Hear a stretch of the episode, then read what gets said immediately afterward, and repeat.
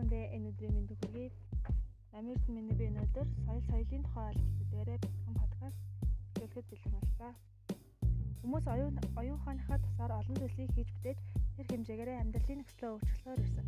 Хүмүүсийн бүтээсэн бүхэнд мэдлэг, ур ухаан, туршлага, итгэл үнэмшил, аж төрөх ёс хоригдлууд нь шингэж үлддэг. Хүн оюуны бүтээл үнэт зүйлсийг бүтээхээс гадна байгалийн юмс үзэгдэлж тодорхой утга шингэн бэлэгдэн шүтээр иржээ. Өөрөөр хэлбэл хүний хийж бүтээж байгаа зүйлс сурах ёстой зүйлс хүнд өөрт нь бус харин оршин буй соёлтой нэгт холбоотой байдаг ажээ. Хүмүүс бидний дунд олон төрлийн соёл оршин байдаг. Дөрөвдөл сэтгэлгээний соёл, бие биелдрийн соёл, хот хөдөөгийн соёл, харилцааны соёл гэх мэт. Хүн бол соёлын бүтээгдэхүүн. Хүн нийгэмшин нийгмийн харилцаан зөв зохистой оролцсон гэдэг нь суралцж соёлыг өөрөмшүүлж байгаа гэсэн үг юм аа. Соёл судлал нь 20 дугаар зууны ихэнх үед бие даасан шинжлэх ухаан болж хөгжсөн байдаг. Тэрээр ЮНЕСКО 2021 онд соёл гэдэг нь нийгэм болон нийгмийн хэсэг бүлгийн оюун санаа, материалын байдал, мэдлэг, оюун сэтгэл санааны шинж байдлыг зохицмог. Соёл нь урлаг, утга, тохиолдол бие амьдралын хэв маяг, хамтын амьдралын арга зам, үн цэнтэй систем, уламжлал, ихтгэл үнэмшлийг хамаарна хэмээн үзүүлсэн байдаг. Мөн олон олон эрдэмтэн, философч, антропологч, социологч нар өөр өөрийн байр сууриас соёл хэмээх ойлголтыг тодорхойлж байдаг.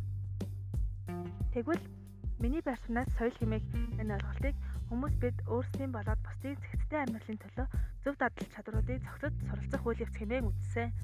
Улс үндэстэн ясан угсаатан гээд бүгд өөр өөрийн гэсэн нэгдмэл соёлтой байдаг. Жишээ нь монголчууд бид уламжлалт цагаан сарын сарын баярыг тэмдэглэж дээл өмсөн ёс заншил үлдэж ахмадууд дээрээ эхэлж очиж залхан амар мэндийг нь мэддэг бол англичууд зул сарын баярыг уламжлалт болгон тэмдэглэж мэндчилгээний хуудас солилцдог уламжлалтай.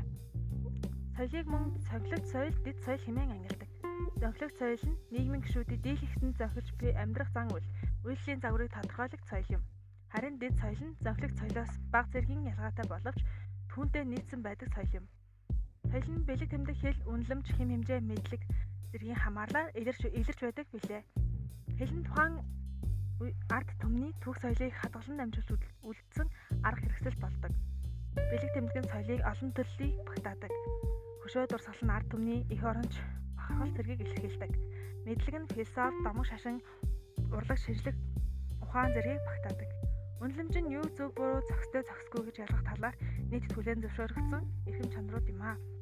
Хим хэмжээнд хүмүүсийн зан төлөвийг зохицуулдаг, дэг журам, хууль дүрм, ёс заншил зэргийг бүхэлд нь хилдэг хим хэмжээ гэдэг. Тэгэхээр соёлтой эргэн байх хэсэг нь хүний үзэл бодол мэдлэгээс хамаарна. Гэхдээ хүн хичнээн их мэлхтэй байгаа гэд байлаа гэд хогоо ил хаях ч юм уу бусдыг үл хүндрэх нь соёлтой эргэм биш юм аа.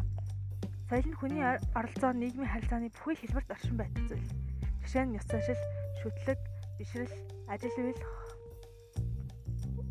сургууль, хөгжим, гэр бүл, найз нөхөд үндэс огцоо амьдарч буй хот газар гэх мэт. Тэгэхээр соёл нь өмнө үеч байсан, одоо үеч байгаа, ирээдүйд ч байж болно. Соёлтой хамгийн соёлтой байх хамгийн анхны ойлголт нь мэдлэг буюу хүнлэж хөндлөх мэдлэг яснаас эхэлдэг юм шүү. Анхаарлаа сайд баярлалаа.